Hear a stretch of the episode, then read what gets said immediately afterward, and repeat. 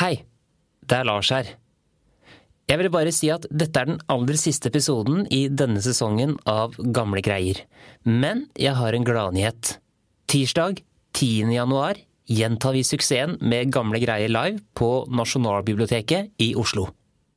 Håper vi ses der. Du hører på Gamle greier.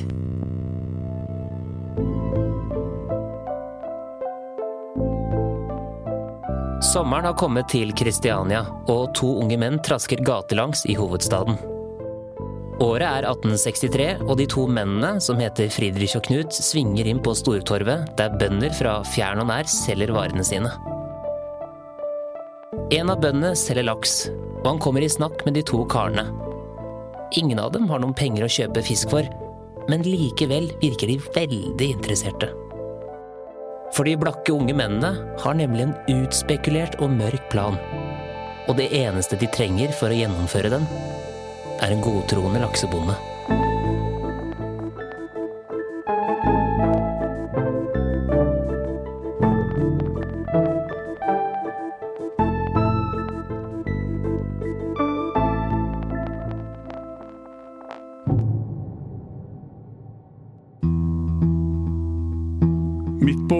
1800-tallet i storbyen Berlin så bor det en ung, skjeggete mann som heter Friedrich Wilhelm Bries. Han er en skikkelig pappagutt som bruker familiens penger på fest og fyll og fanteri. Chris Nyborg, lokalhistoriker på Nasjonalbiblioteket. Det utsvevende livet har gjort at han har havna i trøbbel. Politiet er ute etter han. Men han er ikke så veldig interessert i å sone, så han har rett og slett bestemt seg for å rømme. Og langt mot nord så ligger det et perifert land med en perifer hovedstad som han ser seg ut som målet for flukten. Nemlig byen Kristiania i det avsidesliggende landet Norge. Så en dag så pakker han en så stor haug med pappas penger som han klarer, og setter kursen nordover. Vel framme i Kristiania så ser han seg om etter et sted å bo, og han får napp hos den unge mørkhåra skomakeren Knut Christian Fredrik Simonsen og hans familie i Guneriusgata. Og hvordan går det med leietageren i denne fremmede byen? Jo, det går ganske bra, det. Friedrich han fortsetter å bla opp feite seddelbunker på byen. Han drikker og gambler og drar på jakt og fisketurer. Og han vil jo gjerne ha med seg noen, da. Så han drar med seg skomakeren Knut. Og ganske snart så får Kristianias byliv et nytt radarpar. Den tyske pappagutten med de feite seddelbunkene og hans nye venn de blir faste innslag på kneipene i byen. Og det til fru Simonsens store frustrasjon. Ja, for Knut han er jo familiemann med kone og barn å forsørge, men nå prioriterer han altså fyll og fanteri. Ja, og familieøkonomien den blir jo ikke akkurat bedre når den tyske leieboeren en dag kommer med en urovekkende beskjed. Pappa i Tyskland har skrudd av krana. Lommeboka er tom. Så nå gjelder det å finne en ny inntektskilde, og Friedrich han har en idé. Og den ideen former seg til en plan som han får med seg sin venn Knut på. Og planen går selvfølgelig ikke ut på ærlig, hardt arbeid. Den går rett og slett ut på at de to sammen skal rane noen. Men det å rane noen, det er jo ikke bare enkelt, så da er det fint at Friedrich har et S i ermet. Han har nemlig en pistol. Og de vet akkurat hva slags offer de leter etter. Hver dag så ser de bøndene som kommer med hest og kjerre fullasta inn til hovedstaden for å selge varer. Bøndene kommer inn gjennom byporten, tar inn på et overnattingssted, og så stiller de seg opp på torget og prøver å få solgt kornet sitt, eller grønnsakene sine, eller fisken sin for så høy pris som mulig. Og disse bøndene de blir ansett som ganske enkle ofre for et godt planlagt ran, eller en utspekulert svindel. Så da er det jo bare å vente på det perfekte offer, da. Ja, men jo mer de tenker, jo flere ting kommer de på som kan gå galt. For hva skal de gjøre hvis bonder de kjenner dem igjen etterpå? De skjønner jo at her gjelder det å kvitte seg med alle spor. Så de bestemmer seg rett og slett for at når de har funnet et offer, så skal de drepe ham. Så disse to, tyskeren Friedrich og skomakeren Knut, skal altså rett og slett begå et råmord. Ja, det er ikke småtterier. Og de vet at hvis de blir tatt, så kan neste stasjon bli under øksa til skarpretteren. For eh, lovens strengeste straff, det er døden. Nå gjelder det jo bare å gå ut i gatene på leting etter et offer. Og ganske snart så dukker det opp en mulighet. En dag i august, mens de går rundt på Stortorvet og ser seg om, så får de øye på en mann som selger laks. Og han heter også Knut, akkurat som skomakeren. Knut Grøte heter han, og han er laksebonde fra Vestlandet. De går bort til ham, og Friedrich introduserer seg som styrmann på et skip. Og etter hvert så kommer det fram at laksebonden Knut ikke har fått solgt laksen sin ennå. Og han begynner å bli litt utålmodig, for det er ikke så lenge igjen før laksen blir dårlig. Og dette her er jo det perfekte utgangspunkt, da. Så når de er alene, så diskuterer Knut og Friedrich, og de blir enige om å slå til. To dager senere så henvender de seg til bonden på nytt, og de tilbyr ham å kjøpe en tredjedel av laksen. Og det vil jo han gjerne. Så de avtaler å møtes for å overlevere denne laksen og få det over på skipet som Friedrich later som om han er styrmann på, og som liksom skal ligge et sted ute på fjorden. Det laksebonden ikke vet, er jo at der ute på havet så er det ikke noe skip som venter på dem. Det er noe helt annet. Så var det tid for å iverksette planen. Knut og Friedrich de har leid en robåt som ligger nede ved kaia i Pippervika, som de skal bruke til å komme seg ut dit. Så de møter laksebonden, går ned til kaia, setter seg i robåten og begynner å ro utover. Bonden Grøte og skomaker Knut setter i gang med å ro med hver sin åre. Men Grøte syns eh, skomakeren ror så dårlig, så han tilbyr seg å ro alene. Det gjør at Friedrich og Knut plutselig blir sittende på hver sin side av den intetanende laksebonden, mens de kommer lenger og lenger ut på fjorden. Friedrich sitter bak bonden, og det er han som har pistolen. Han finner den fram og løfter den mot bakhodet på laksebonden. Men det kommer ikke noe skudd. Pappagutten mesterhjernen bak hele denne utspekulerte planen har fått kalde føtter. For å redde seg ut av knipa, så begynner Friedrich å snakke til makkeren sin, som sitter foran i båten. Han snakker tysk, sånn at bonden ikke skal forstå. Skomaker Knut blir litt oppgitt nå. Han signaliserer at de må fullføre, og tar diskré pistolen fra Friedrich. Han retter den mot laksebonden, og skyter. Men de trenger bare å kaste ett blikk på mannen mellom seg for å skjønne at dramaet ikke er over. For bonden, han er ikke død. Skomakeren har truffet for dårlig. Og nå har ikke Friedrich noe valg. De er kommet for langt. Han må fullføre dette. Han prøver først å kvele den uh, sårede bonden med et tau, men det er lettere sagt enn gjort. Nå begynner dette å bli ordentlig stygt, og Friedrich han skjønner at han må handle. Han tar fram en kniv og skjærer strupen over på laksebonden.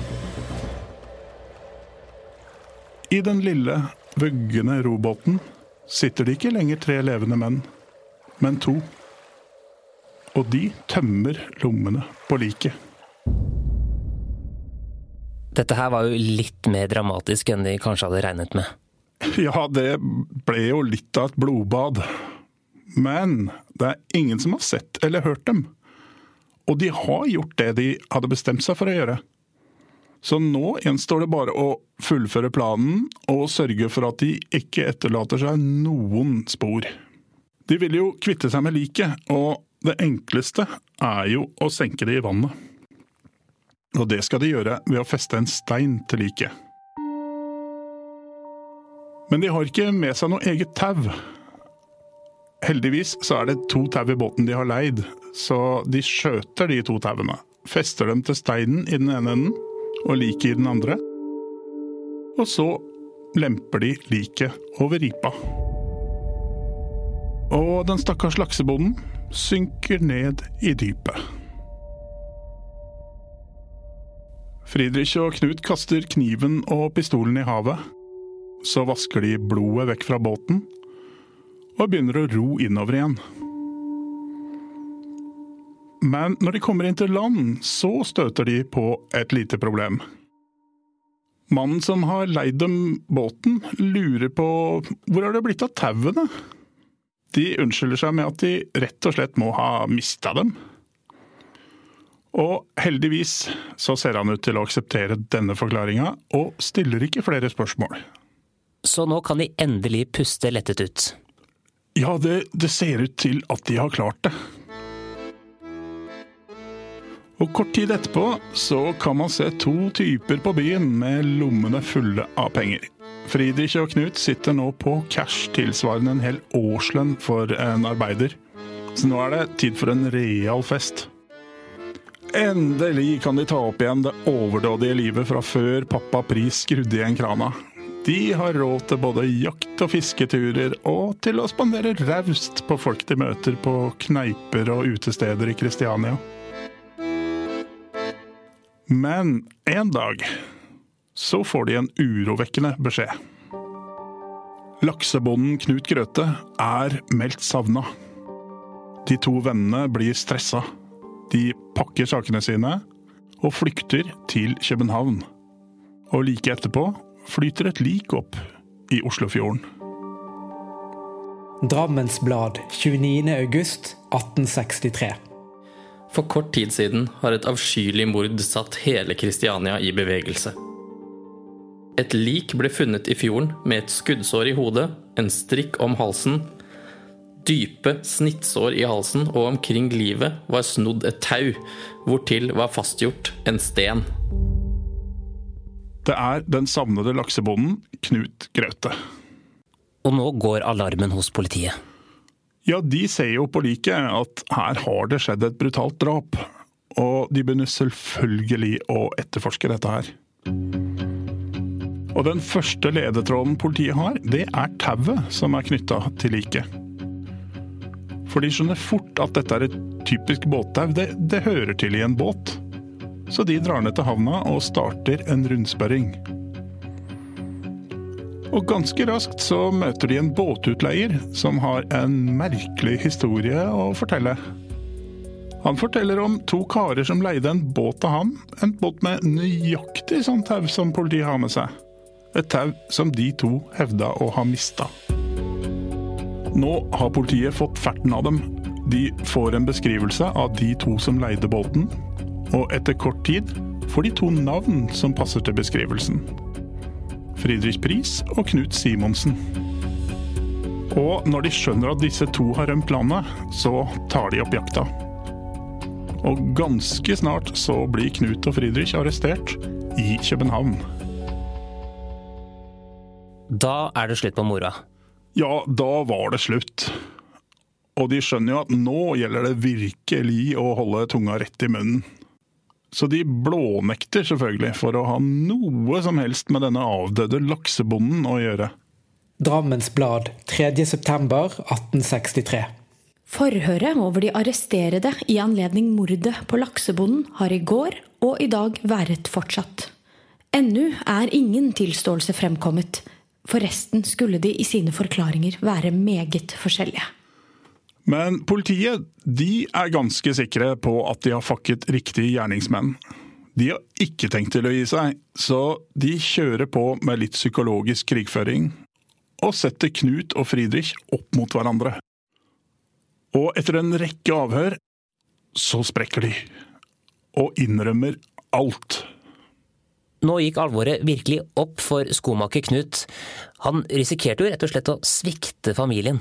Ja, altså, kona og barna til skomakeren kan jo nå se langt etter en far som gir dem økonomisk trygghet. Enda verre er det jo at de risikerer å aldri se ham igjen hvis dommerne lander på lovens strengeste straff.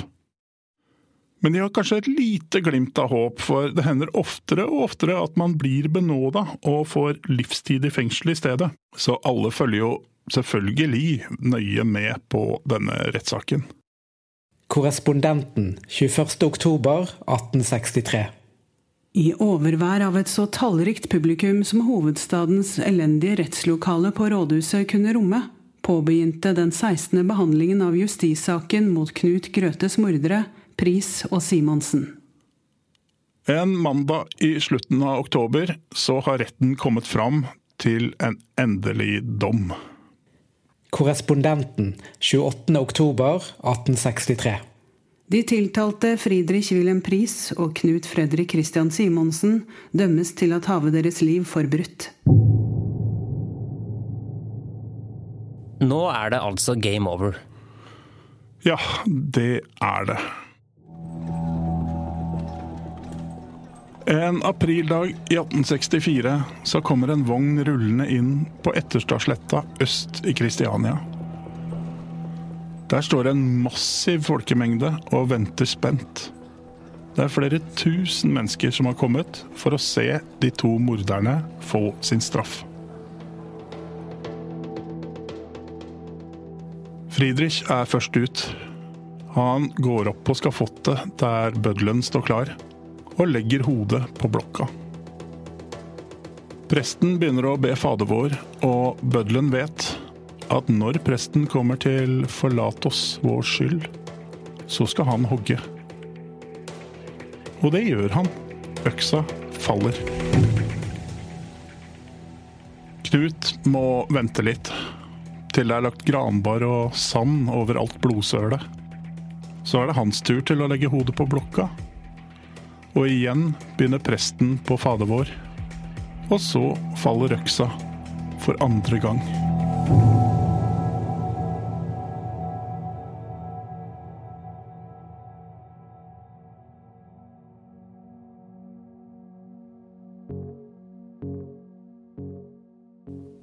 Skomaker Knut og pappagutten Friedrich endte altså sine liv foran flere tusen mennesker. For offentlige henrettelser, det var fortsatt populær underholdning i Norge. Men det var ikke alle som syntes det var så stas lenger, og flere og flere mente at Norge egentlig burde slutte med dødsstraff. Og etter denne henrettelsen på Etterstadsletta så varte det ikke lenge før det ble slutt på praksisen. I Kristiania så var Friedrich og Knut de aller siste til å bli henrettet. Og på landsbasis var det bare fire personer som ble straffet på denne måten i etterkant. Den siste fant sted i Løten i februar 1876. Og med det var offentlige henrettelser et avsluttet kapittel i Norge. Du har hørt en episode av Gamle greier.